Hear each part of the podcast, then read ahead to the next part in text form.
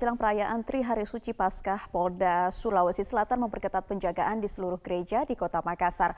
Polisi juga akan mensiagakan kendaraan taktis di sejumlah gereja.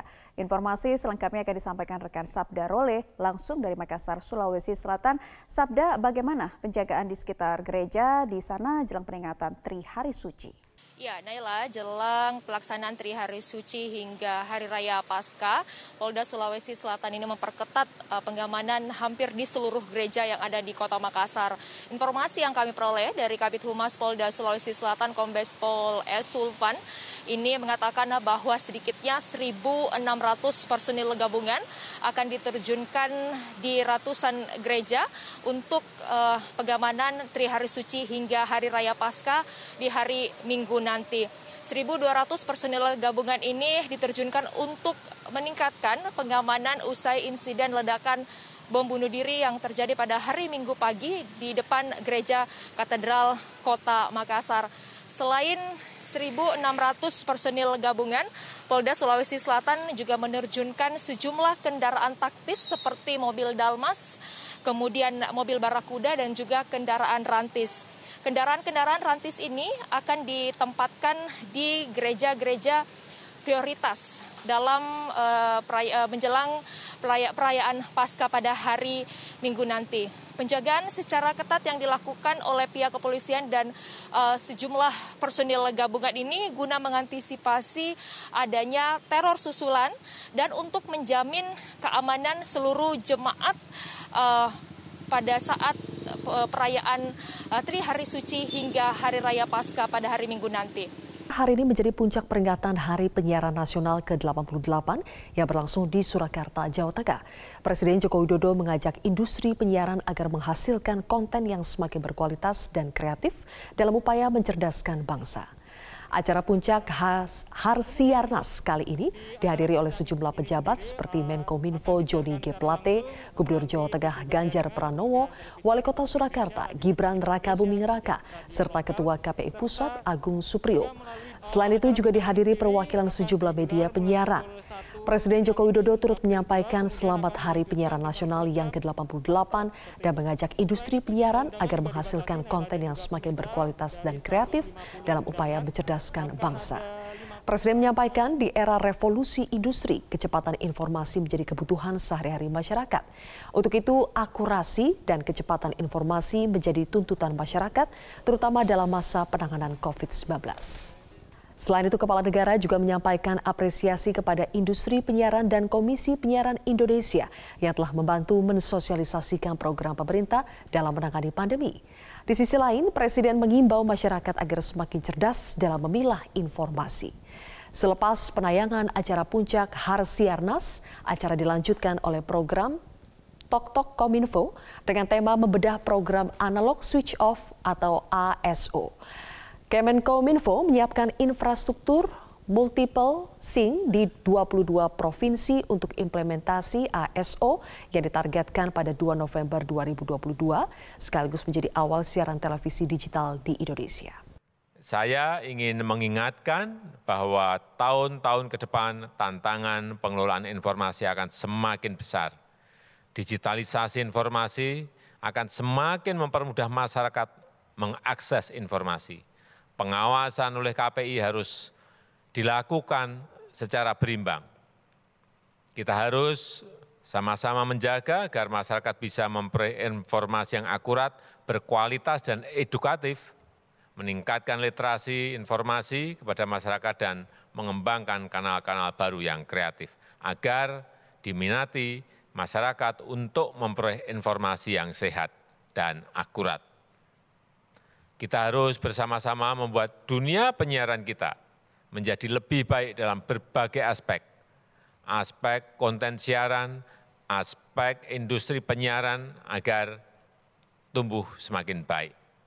Masyarakat harus semakin cerdas dan kritis memilih dan mensikapi informasi, serta regulator dan pengawas yang lebih kuat dalam menjalankan tugas dan fungsinya dengan perbaikan dan penataan ekosistem media penyiaran yang berkelanjutan, saya meyakini industri penyiaran Indonesia akan semakin kuat dan tangguh, semakin diminati masyarakat, dengan tampilan dan konten yang semakin berkualitas dan mencerdaskan. Pihak kepolisian masih terus mendalami kasus serangan teror di markas besar Polri oleh pelaku berinisial ZA pada Rabu sore. Sempat disebut-sebut adanya tersangka teror atau penyerangan yang lain selain ZA. Benarkah ada pelaku lain? Informasi selengkapnya akan disampaikan rekan Valentina Chelsea langsung dari Mabes Polri Jakarta. Chelsea, apa perkembangan terbaru dari peristiwa penyerangan di Mabes Polri, terutama informasi terkait adanya tersangka penyerangan lain selain ZA. Iya, Zakia, tadi disampaikan oleh Karopenmas Mabes Polri Brigjen Pol Rusdi Hartono bahwa dari hasil investigasi sementara, pelaku ZA ini melakukan serangan teror ke Mabes Polri Jakarta Selatan ini uh, dengan sendirinya. Jadi melakukan aksinya uh, secara sendiri uh, dan tadi dikatakan uh, belum ada indikasi uh, bahwa ZA ini melakukan aksinya dengan orang lain. Meskipun kita tahu ketahui bersama bahwa uh, dikabarkan ada satu orang yang juga sedang menjalani pemeriksaan karena dikaitkan dengan serangan teror ini. Namun tadi dipastikan oleh Karopenmas Mabes Polri Brigjen Pol Rusdi Hartono bahwa dari hasil hasil investigasi atau penyelidikan sementara pelaku ZA ini uh, melakukan aksi teror uh, secara lone wolf ataupun sendiri seperti yang sudah sudah disampaikan oleh Kapolri Jenderal Listio Sigit Prabowo. Selain itu juga Sakia tadi disampaikan beberapa poin terkait update terkini dari perkembangan kasus ini di antaranya pihak kepolisian masih mendalami tentang kepemilikan senjata yang digunakan ataupun dipakai dibawa oleh pelaku ZA dalam melakukan serangan teror dan tadi dikatakan dalam hal ini kepolisian juga menyertakan ataupun berkoordinasi dengan Persatuan Menembak Indonesia ataupun Perbakin karena kita ketahui bersama ada informasi uh, bahwa pelaku ZA ini juga merupakan uh, salah satu anggota dari Perbakin. Ini yang masih didalami oleh pihak kepolisian terkait dengan kepemilikan senjata yang dibawa ataupun digunakan dalam serangan teror tersebut. Dikatakan pula oleh Karopenmas Mabes Polri, Brigjen Pol Rusdi Hartono, bahwa terkait menembak mati pelaku ZA, tadi dikatakan bahwa awalnya petugas kepolisian yang melakukan uh, pengamanan ataupun serangan di situ awalnya memang hanya ingin melumpuhkan, tapi akhirnya membuat pelaku ZA ini meninggal di tempat. Kemudian tadi disampaikan pasca adanya uh, serangan teror ini, tadi dipastikan bahwa pihak kepolisian akan terus meningkatkan uh, pengamanan seperti yang bisa dilihat di belakang saya.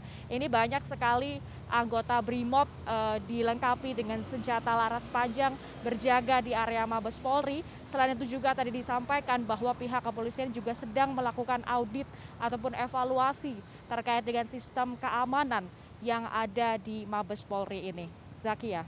Ya, Chelsea kemudian bagaimana dengan perkembangan penanganan teroris di wilayah lainnya termasuk Makassar? Ya, tadi disampaikan bahwa yang menjadi fokus dari kepolisian saat ini tidak hanya terkait dengan kejadian aksi teror di Mabes Polri, namun juga pasca uh, bom bunuh diri yang terjadi di Gereja Katedral Makassar. Tadi disebutkan hingga saat ini sudah ada 18 orang terduga uh, teroris yang terafiliasi dengan serangan bom bunuh diri di Gereja Katedral Makassar. Ini juga berkaitan dengan kelompok Villa Mutiara dan kelompok jaringan JAD. Selain itu juga ada 18 orang yang diamankan di Makassar. Tadi uh, Karopen Mas Polri menyebutkan ada pula lima orang yang berada di NTB juga diamankan terkait dengan jaringan JAD. Kemudian juga di Jawa Timur ada dua orang yang diamankan di hari kemarin, tepatnya di Tulung Agung dan Nganjuk ini juga uh, merupakan jaringan JAD. Tapi tadi disampaikan oleh Karopen Mas Polri uh, Brigjen Rizdi Hartono apakah uh, jaringan-jaringan antar pulau atau antar daerah ini berkaitan pihak kepolisian masih mendalami hal tersebut dan harapannya ke depannya nanti bisa menemukan titik orang dan tadi dikatakan dan dipastikan bahwa penum, penumpasan teroris di Indonesia ini tidak akan berhenti dan tadi dikatakan jadi total selama awal dari hari Minggu hingga saat ini sudah ada 18 orang yang sudah diamankan terkait dengan bom bunuh diri di Gereja Katedral Makassar.